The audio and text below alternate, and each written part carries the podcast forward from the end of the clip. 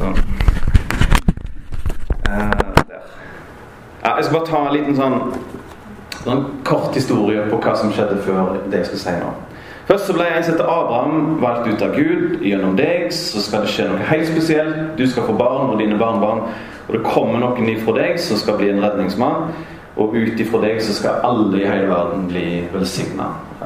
Det er pga. at Jesus skal komme gjennom Abrahams slekt. Abraham fikk Isak, Isak fikk Jakob, Jakob fikk tolv sønner. Og pga. hungersnød og sånne ting så måtte de til Egypt. Og i Egypt så ble de i 400 år. Til å begynne med var det veldig bra, og så ble de slaver. Sånn at De var nødt til å bli utfridd av en som heter Moses, som Gud valgte ut. Og de for ut av Egypt eh, med et brak. Og så for de gjennom en ørken, og etter hvert så landa de tilbake, til slutt tilbake i Israel. Og der var de. Og til slutt så ville de ha konger. Og så sa Gud at eh, hvis dere er lydige mot meg, så skal dere få velsignelse, og det skal gå dere godt. Hvis dere er ulydige og ikke vil høre på meg, så kommer dere til å havne i fangenskap etter hvert. Og så var det mer eller mindre 200-400 år med ulydighet. Konge på konge på konge brydde seg ikke om hva Gud hadde sagt, og hva som sto i Bibelen. Og til slutt så sa Gud nå er det faktisk nok. Nå er jeg nødt til å sende dere i fangenskap. Og så kom Babylon, eh, mektige, mektigste krigerne, datidens USA, på en måte. Det, det var liksom De hadde, de hadde makta på den tida. De kom og knuste Israel og knuste Jerusalem og tempelet. Tok med seg alle jødene i bandt i lenker og tok de tilbake til sitt land, som er rundt omkring der Iran er i dag, ca. Og der var jødene i 70 år. Men det står i Bibelen Ja, det kan jeg Det er iallfall det som har skjedd. Ok, nå har vi Ja. Eh. Sånn så det kanskje ut når jødene for. Dette skjedde ca. år 600 kanskje før Kristus. Og så står det profetier i forskjellige i Gamletestamentet at etter 70 år så skal det komme tilbake igjen. Og Babylon var veldig sterkt. De var ikke svakere etter 70 år etter dette her. Men Gud talte til en hedens konge. Og Ja, det kommer vi til. Det er det vi skal snakke om. Jeg har bare lyst til å be litt. Eh, kjære Jesus, jeg har bare lyst til å legge denne talen i dine hender. Jeg har lyst til å løfte fram ting som har skjedd i Bibelen, og håpe at det kan treffe oss i dagens Norge og oss som er kristne her. Må du tale til oss og oppmuntre oss med ditt ord. Amen. Eh, jeg nevnte at tempelet kanskje, det ble revet ned. Det var egentlig krise for jødene, for de de er ikke sånn som oss at de bare kunne sitte hjemme og, og be og ha hele trua si bare hjemme hvor de var. Hvis de skulle gi uttrykk for trua si, djupest sett, hvis de skulle oppleve tilgivelse, og hvis det hadde gått galt med dem, da måtte de gå til et tempel og ofre der. Problemet var at uh, det tempelet det ble revet ned. Så hele trusgrunnlaget deres ble liksom bare vi kan sammenligne det med at det kanskje alle kirker ble brent ned, og bibler ble revet vekk. Hvordan hadde du følt det da? Sånn hadde jødene det. Tempelet var ødelagt. Og så skulle de få lov å komme tilbake igjen en vakker dag. Men jeg skal bare si om Norge. Kanskje vi kan se en parallell til Norge før vi går til det. I 2013 så var det noen som satte fokus på hvordan går det med kristendom i Norge. Og så er det et avisutklipp da. Jeg klarte ikke å finne mer oppdatert, men det er sånn cirka det samme nå. Det er kanskje Pila har ikke gått så kraftig ned. Det jevner seg mer ut, i mitt inntrykk, da, synes jeg har fulgt med. Avisutklipp. Kristne barne- og ungdomsorganisasjoner har opplevd en dramatisk nedgang de siste 30 årene. I 1980 hadde NLM 1727 barne- og ungdomslag. Mange her går i oasen. Det er ett Ja, dere, sant? Det er ett lag og her er det snakk om at her har vi mista ekstremt mange, og i 2013 så var det 663 lag. Og hvert år så har de siste 30 åra mista 30-90 lag som Oasen eller søndagsskoler eller andre ting. Det er egentlig veldig dramatisk. Det er egentlig veldig trist. Eh, Og vi ser rundt omkring i Norge at det er færre kristne på en måte enn det det kanskje var for lenge, 50 år siden. noe sånt. Hans Christian har sagt dette her, som er ungleder i Norge. Bitte lite lysglimt, så ikke vi går helt i kjelleren nå, er at eh, faktisk i Sør-Vest nå så hadde vi en båndmåling på 200 lag i 2014. De siste fire åra, kanskje fem, så har vi snudd trenden. Så nå har vi fått 221 lag. Eh, pluss 21. Men fortsatt er det en del svakhet. Jeg får en del rapporter på at eh, vi mangler ledere rundt omkring. Eh, det tror jeg gjelder overalt, nesten. Så ser det sånn ut. Vi har gått litt opp en liten fiskekrok, så det syns jeg er bra. Men det gjenstår veldig mye hardt arbeid for å gi tilbud til alle barn og unge om å høre, Jesus, høre om Jesus. Sånn er det litt i Norge nå. Men tilbake til Babylon. Eh, Gud tok initiativ, styrte en hedens konge. Og så står det I det første året Kyros var konge i Persia, ble han tilskyndet av Herren, altså minnet på og lagt på, til å sende ut en kunngjøring for at ordet Herren hadde talt gjennom profeten Jeremia, skulle bli oppfylt. Kongen kunngjør i hele sitt rike, både muntlig og skriftlig, dette budskapet. Så sier Kyros, kongen i Persia, Herren, himmelens Gud, har gitt meg alle kongeriker på jorden. Han har pålagt meg å bygge et tempel fram i Jerusalem, i Judea. Gud være med alle dere som tilhører hans folk. Dere kan dra opp til Jerusalem i Judea og bygge tempelet for Herren Israels Gud. Det er han som er Gud i Jerusalem. Det sa han hedens konge. Som ikke gikk på bedehus eller noe som helst. Men Gud overstyrte han Nå gjør det sånn. Så skulle det begynne, da.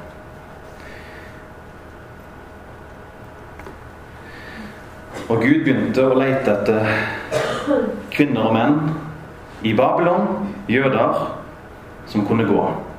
Så står det noen vers senere. Da gjorde de seg i stand til ferden etter høvdingen i Judea, Juda og Benjamin og prestene og levitene, alle som Gud hadde tilskyndet, altså vekt opp til dra til Jerusalem for å bygge opp igjen Herrens hus.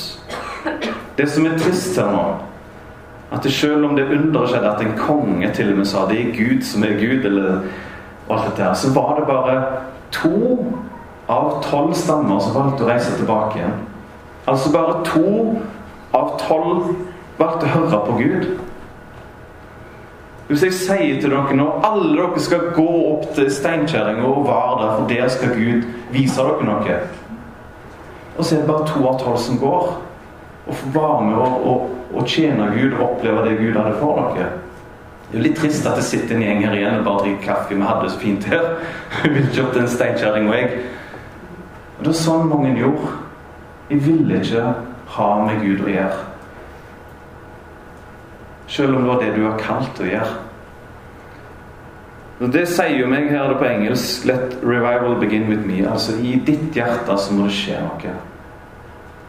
Det er hos deg det begynner, og Gud kaller på deg. Og så står det en annen plass Herrens øyne farer over hele jorden, så han med makt kan hjelpe dem som helhjertet holder seg til ham. De som faktisk vil lyde ham og følge ham.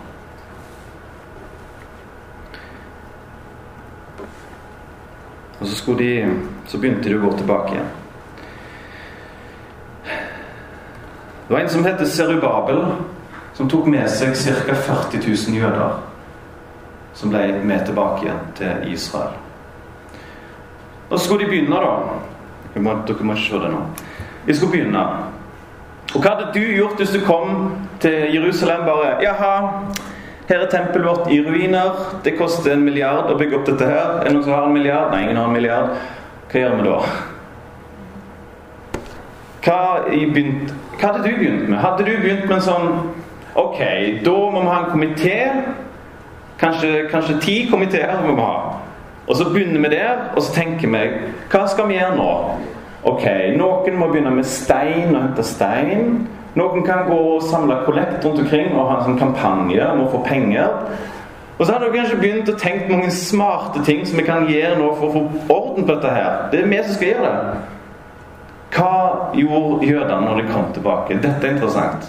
Dette er faktisk veldig interessant, og det har med Hvis ikke vi tar inn over oss det som skjer her nå, så kommer vi til å få et veldig svakt kristent arbeid. Uansett hva du holder på med.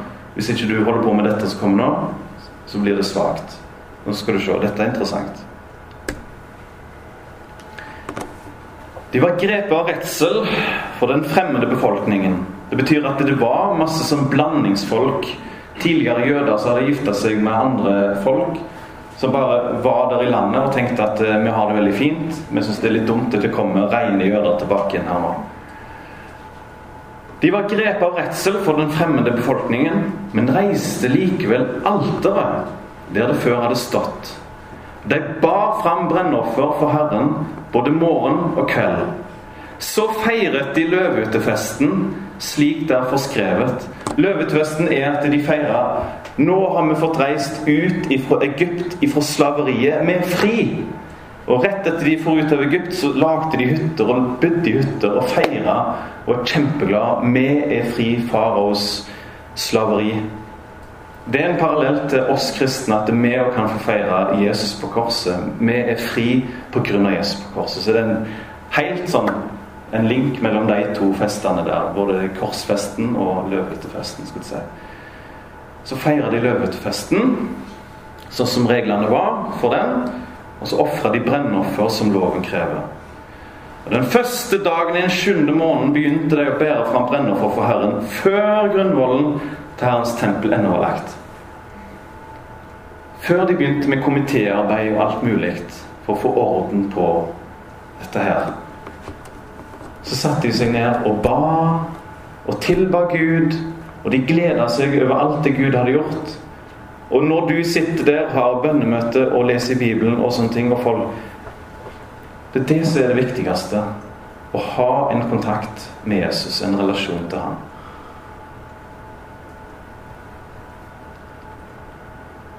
Når jeg kommer på jobb Jeg har en kristen jobb.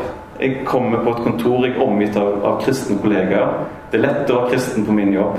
Det, det er kjempeenkelt. Men uh, uh, men jeg merker selv om jeg, jeg, har masse jeg skal gjøre i forhold til åh, oh, vi må starte et ungdomsarbeid i Haugesund nå, vi må få gjort noe der og sånn. Så går jeg rett på sak og begynner med PC-en, skriver mail og så jobber. Så kommer jeg på hvorfor har jeg ikke starta dagen med bønn heller? Hvorfor har ikke jeg brukt tid i lag med Jesus og lagt alt framfor ham? Hvorfor bruker jeg så lite tid på bønn og takk og tilbedelse når det tydeligvis det er det som er det viktigste? Ok, jeg skal gå litt eh, videre om dette med tilbedelse. Gud fører av og til oss inn i situasjoner der alt er håpløst fordi da ber vi. Når alt er håpløst, og det er menneskelig sett dette er umulig, da er det bare én ting vi må be. Nå må Gud gripe inn. De var redde. Og jeg tror Gud tillot at det her er det vanskelig for dere. For da visste Gud nå kommer dere til å be til meg. De kom til å bli avhengig av ham. Og tilbedelsen bar preg av glede. De feira at de var fri. Av og til når jeg kommer rundt omkring og er på enkelte plasser, så merker jeg liksom at vi kan være så voldsomt alvorlige. Og det er bra å tenke over, reflektere over hvem jeg er og Gud er. Da, da kan vi bli matte og tause alle mann. Bare Oi, Gud er virkelig stor, og jeg er liten. Og så sitter vi og tenker litt på det. Men hvis det er sånn veke etter veke etter veke, år etter år, at her er det som en begravelse det er sånn Hysj! Da er det et eller annet som mangler, syns jeg. Er dere enige i det? Jeg tror at det skal være mye glede blant Guds folk. Jødene de hadde kjempemasse glede. De feira. Det var sikkert tamburin og jubel. Og det er så viktig. Jeg syns det er kjempebra med denne lovsangen dere hadde òg. Positivt. Ha en feiring, ha en glede. En annen ting De hadde et fysisk alter de måtte reise opp og forholde seg til. Jeg og du, når vi, når vi sover eller skal legge oss på kvelden, så kan vi be til Gud og ha en direkte kontakt med Han uten at vi trenger å bygge opp et steinalter og finne offer og tenne ved fyr på det, og så gjøre noen vaske oss på hendene og gjøre forskjellige ting. Og til og med så var det bare på den tida én ypperste prest som en gang i året kunne gå helt inn i tempelet. Helt inn der det virkelig skjedde, der, der Gud virkelig var. En gang i året kunne det skje. Og det var ikke hvem som helst kunne gjøre det. Og jeg og du som tror på Jesus, vi er alle invitert til å komme helt nærme Jesus og Gud. Og så kan vi gjøre det når vi legger oss, når vi står opp, når vi går, når vi sitter. Når vi er på jobb, så kan vi komme helt nær. Og Tenk alle de jødene på den tida som bare sånn Han hovedpresten der, han får lov å gå helt inn. Jeg skulle ønske jeg kunne komme helt inn. Og her sitter vi. Alle kan få lov å komme helt inn. Jeg tror ikke vi helt forstår hvor heldige vi er. Hvor fantastisk det er med korset. At han har åpna veien inn til det aller helligste, så vi kan komme til Gud. Når som helst og hvor som helst.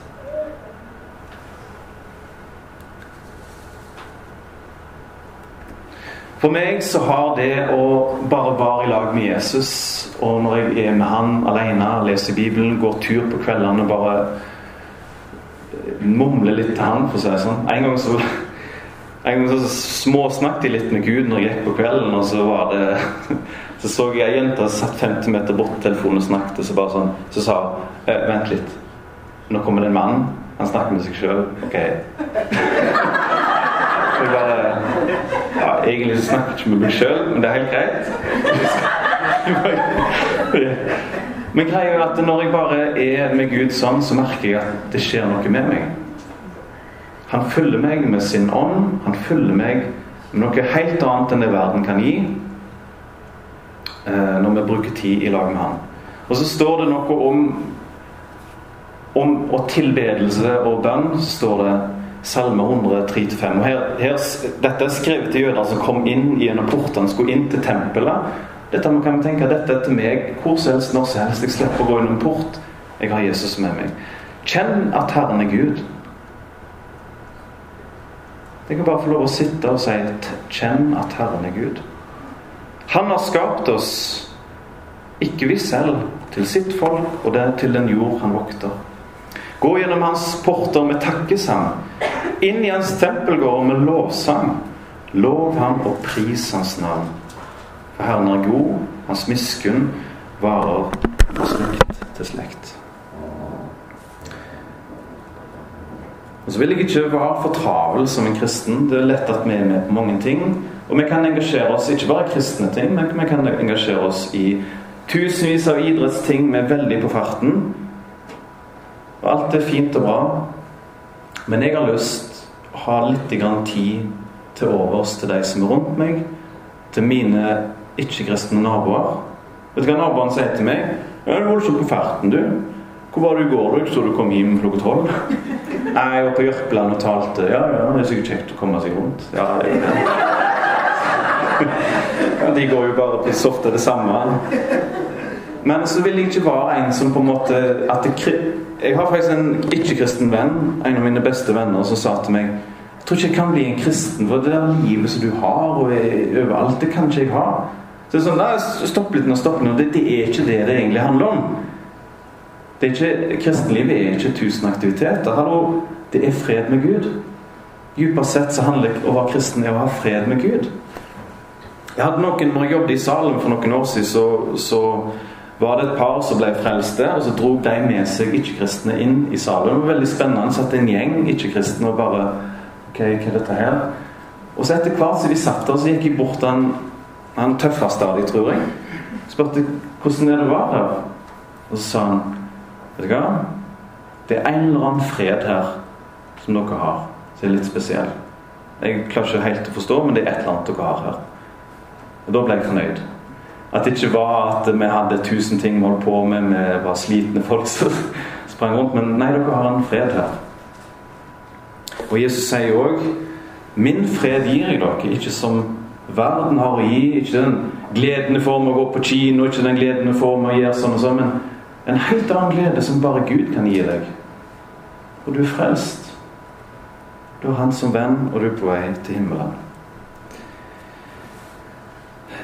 Og så om tilbedelse. Det er en fiende, setter djevelen, som ikke vil at vi skal være glad, ikke vil vi skal glede oss over Jesus, og ikke vil vi skal tilbe og synge til Jesus.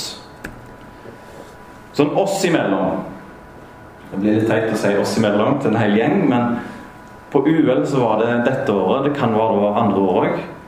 Men det var en, noen som gikk på UL, og så ville de UL vondt. De hadde onde hensikter. I Salem, når jeg jobbet der, så var det òg ei som var satanist, som gikk inn på Salem og prøvde å be og ødelegge møtet. Og det skjer rundt omkring. Jeg har sjøl én erfaring med akkurat det der.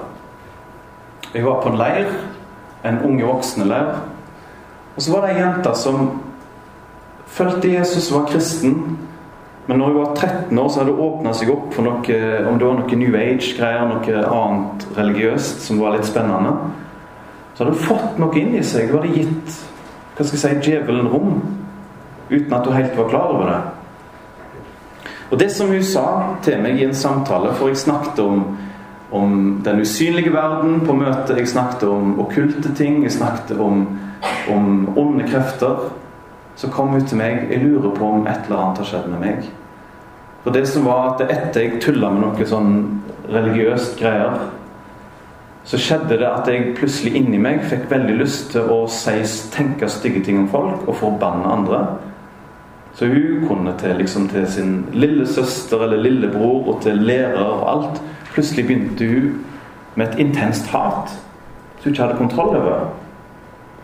Du sa dette er jo et problem, jeg kan ikke ha det sånn. Kanskje er det noe ondt jeg åpner meg opp for. Og så mens jeg satt og snakket med hun, en annen også som var med og hjalp til, så merka jeg noe ekkelt. Så spurte jeg henne om du driver og forbanner meg nå. Så sa hun ja. Så jeg bare ja, Vil du ha det sånn det her? Nei, for jeg sa du må sjøl si nei og ville omvende deg ifra dette. Ja, det vil du. Og Da leste jeg et vers, to vers. Våre våpen er ikke fra mennesker, men har sin kraft fra Gud. Kan legge festninger i grus. Vi river ned tankebygninger og alt stort og stolt som må reise seg imot kunnskapen om Gud. Vi tar hver tanke til fange under lydigheten mot Kristus. Så sa jeg alle de tankene som du får, de hatstankene, de binder vi nå. Og så ber vi. Og så vil du være med på det. Og så sa hun etterpå meg etterpå nå tror jeg jeg er fri. Nå har det sluppet. Du som en kristen har fått en enorm makt av Jesus. I Jesu navn så kan vi ut og sette mennesker fri. Vi kan, få, vi kan gi dem evangeliet, vi kan be for dem. Vi kan bety en kjempestor forskjell for dem. Og husk tilbedelse og bønn. Mennesker må gå ut av og til ifra møter. Hvis de kommer og vil prøve å ødelegge møtet for de enten satanister eller sånt, så må de gå ut av møtet når vi driver og ber og lovsynger. Og det klarer de ikke. Det kan bety for meg Det sier meg litt. Kanskje er det en enorm makt i det å lovprise, da. Hvis de ikke klarer å være med på det. Tenk litt på det. Tenk litt på det. Jeg skal gå videre nå. Vi snakket om alteret. Jeg skal gå bitte litt videre nå. Nå går det ikke så eh, dypt på alle punkt. Å bygge Guds rike, få evangeliet ut. For det som de gjorde videre Når alteret var på plass, når tilbedelsen var på plass, så skjedde det. De ga penger til steinhoggere og tømmermenn osv. for å få alt det de trengte. Er kristendom er å være en kristen bare å komme på mine møter. Jeg skal ha min kaffekopp, jeg skal ha brusen min, jeg skal be, og jeg skal synge sangen som er yndlingssangen min. Og så Det er det. Eller er det òg en pris for oss? Er det sånn at, ikke, at, det, at jeg bare skal få? Eller kanskje, som Jesus sa, det er bedre faktisk å gi enn å få. Kanskje vi skal høre på Jesus og prøve å se hva som skjer hvis vi faktisk gjør det, og følger det. Det er faktisk bedre å gi en gave enn å få en gave, sier Jesus. Så de ga penger. Eller så kunne faktisk ikke det tempelet bli bygd. Det var nødt til å få en konsekvens at vi gjorde noe praktisk og ga penger. Jeg syns det er spennende hvis vi får to millioner mer i kollekt i NLM. Så kan vi ansette så mange evangelister, sikkert fire flere evangelister, som vi kan si du går til Storhaug, du går til Haugesund. Og får vi enda flere millioner, så kan vi ha For folk kommer på mitt kontor og sier 'Jeg kjenner på et kall til å være med og tjene'. Og så sier jeg 'Vi har dessverre ikke mer budsjett', men hvis vi får, så kan det være at vi kan snakke med deg igjen. Folk som kjenner på 'Jeg har virkelig lyst til å bruke hele livet', og vi har ikke mer penger. Det er stopp. Kommer det mer inn, så får vi mer gjort. Vi får mer misjonærer ut. Evangeliet går fortere rundt. Og Det syns jeg faktisk er litt spennende. Jeg, jeg pleier aldri å ha kollekttale. Jeg pleier å ha det kanskje annethvert år. sånn som dette her. Men dette har kjempebetydning for hvordan egentlig Guds rike går fram. En annen ting er lederskap. Når jeg har jobbet i menighet sjøl og vært leder der, så har når folk ikke vet hva de skal, og ikke får tillit, og ikke blir spurt kan du gjøre dette, for du er så flink til sånn, så stopper ting opp. Så står det om lederskap at det Serubabel, jeg har strekt under det navnet, og Josva de satte alle levitter som var 20 år eller mer, til å ha tilsyn med arbeid på Herrens hus. De delegerte. De trengte ikke være hovedledere i alt. Men de sa alle dere, kan dere ta dere av det? Og så fikk de til ting. Jeg kan si mer om lederskap, men det har ikke tid til nå. Um, ja. Gode ledere delegerer oppgaver til andre og har tillit. Jeg husker bare når jeg var 18 år, 18-19 år, og en som heter Leon Dyngeland sa til meg Har du lyst til å være leder for mannskor på det siste året? Og jeg bare sånn Her en fyr som har tillit til meg, som bare fant masse rølp. Og det forandra meg helt. At en så noe hos meg, så noen egenskaper og sa 'Jeg tror du klarer det'. Og da hadde jeg Vi reiste rundt på 21 møter på ett år. Vi var 20 mann, minst. Reiste land og strand. Vi hadde masse øvelser. Og folk snakker ennå om det der mannskoret som, som de var med på. Det var så mye løye vi var rundt omkring og gjorde. En som ga meg tillit, og det bare Der, der blomstra jeg. Så skryt av hverandre og si 'Kan du gjøre det? Du er flink til det.' Det er viktig. Men når framgangen begynte, så kom òg motstand. Når ting bare kom i bevegelse. Da kom motangrepet. Folk i landet de vi har snakket om tidligere, som de var redde for, de gjorde da judeerne motløse og skremte de vekk fra arbeidet. Det stoppet opp i 16 år.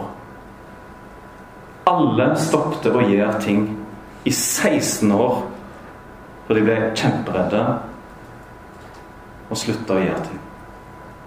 Du slutter å være med i lovsangen, du slutter å være med og gjøre ting på B. Du skulle bare slutte, Og du er redd for hva naboen tenker om deg. Hva gjorde Gud? Et mottrekk. Han sendte noen talere til dem. Profeten Hagai og profeten Zakaria talte til jødene i Judea og Jerusalem. I Israels Guds navn talte de til dem. Til dem. Da gikk Serubabels sønn bla, bla, bla, bla, bla, i gang med å bygge Guds hus i Jerusalem. Og de to Guds profeter var med dem og støtta dem. Hva var det de sa? Dette var ikke bare en sånn 'Å, nå må dere være så snill' Det var skikkelig direkte tale rett inn i livet deres. Så sier Herren, Allahs Gud, dra opp i fjellet og hent tømmer. Bygg tempelet, så vil jeg ha behag i det og vise min herlighet der, sier Herren. Dere venter mye, men se, det blir lite. Dere får det i hus, kanskje mat og korn, men jeg blåser det bort. Hvorfor, sier Herren, allherrs Gud? Fordi mitt tempel ligger i grus. Mens dere er travelt med hver deres eget hus. Alle er bare opptatt med mitt og sitt. Hvor flink jeg er til det, hvor bra huset er, om jeg fikk garasjen min opp. Men om Ebenezer ligger nede og vi får ikke til sånn og sånn Nei, det, får, det er ikke mitt hovedansvar. Det får styret ta seg av. Eller Vi er opptatt av vårt. Og så kommer Gud og sier 'Hvorfor er du så opptatt av deg sjøl?' 'Jeg har kalt deg til å følge meg.' Til å spre evangeliet. Til å meg, til å være i lag med meg. Og så resultatet. Tror de ble sure og furtne? De kjente en kjærlighet, tror jeg, i de ordene. Så sa For det var disse ordene her òg. Ikke bare de fikk høre det. Jeg er med dere, lyder ordet for Herren. Akkurat som misjonsbefalingen. Jeg er med dere alle dager. Herren vakte slik iver hos Serababel og hos alle som var igjen hos folket, at de kom og arbeidet på huset til Gud. Til Herren Allahs Gud. Jeg tror Hvis du leser denne Bibelen her, virkelig leser den, og ser nøye hva ordet som står der, og tar det til hjertet ditt og du virkelig hører på hva som blir sagt her nå, og tar det til hjertet ditt Og alle andre forkynnere som taler i Jesu navn, som kommer med dette ordet, så tror jeg resultatet vil bli at du vil mer og mer fortjene Herren og gjør det som Han har sagt du skal gjøre. Jesus har sagt 'gå ut og forkynn'. Og jeg tenker ofte hvorfor går det så lang tid mellom hver gang jeg prøver å gjøre et eller annet for naboene. Hvorfor går det så lang tid? Jeg er for sløv. Jeg er for opptatt av mitt eget hus. Jeg vil sette meg ned med Jesus og si Hvordan kan du gjøre et eller annet nytt i meg? For dette går for treigt. Jeg er for opptatt av meg sjøl og for lite opptatt av deg. Når du taler til meg og gjør noe i mitt liv. Tenk hvis jeg hadde hatt den bønnen hver dag. Da tror jeg jeg hadde erfart mange nye ting i lag med Jesus. Det var det jeg hadde tenkt å minne dere på. Håper dere har fått noe å tenke på. Jeg har masse å tenke på, og dette går til meg òg. Jeg skal bare be litt. Kjære Jesus, takk for, uh, takk for ditt ord.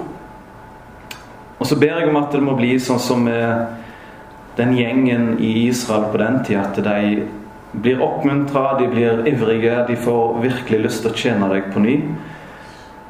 Det er ikke så farlig om det ser sånn eller sånn ut hjemme på huset, men det viktigste er Blir noen nye kristne?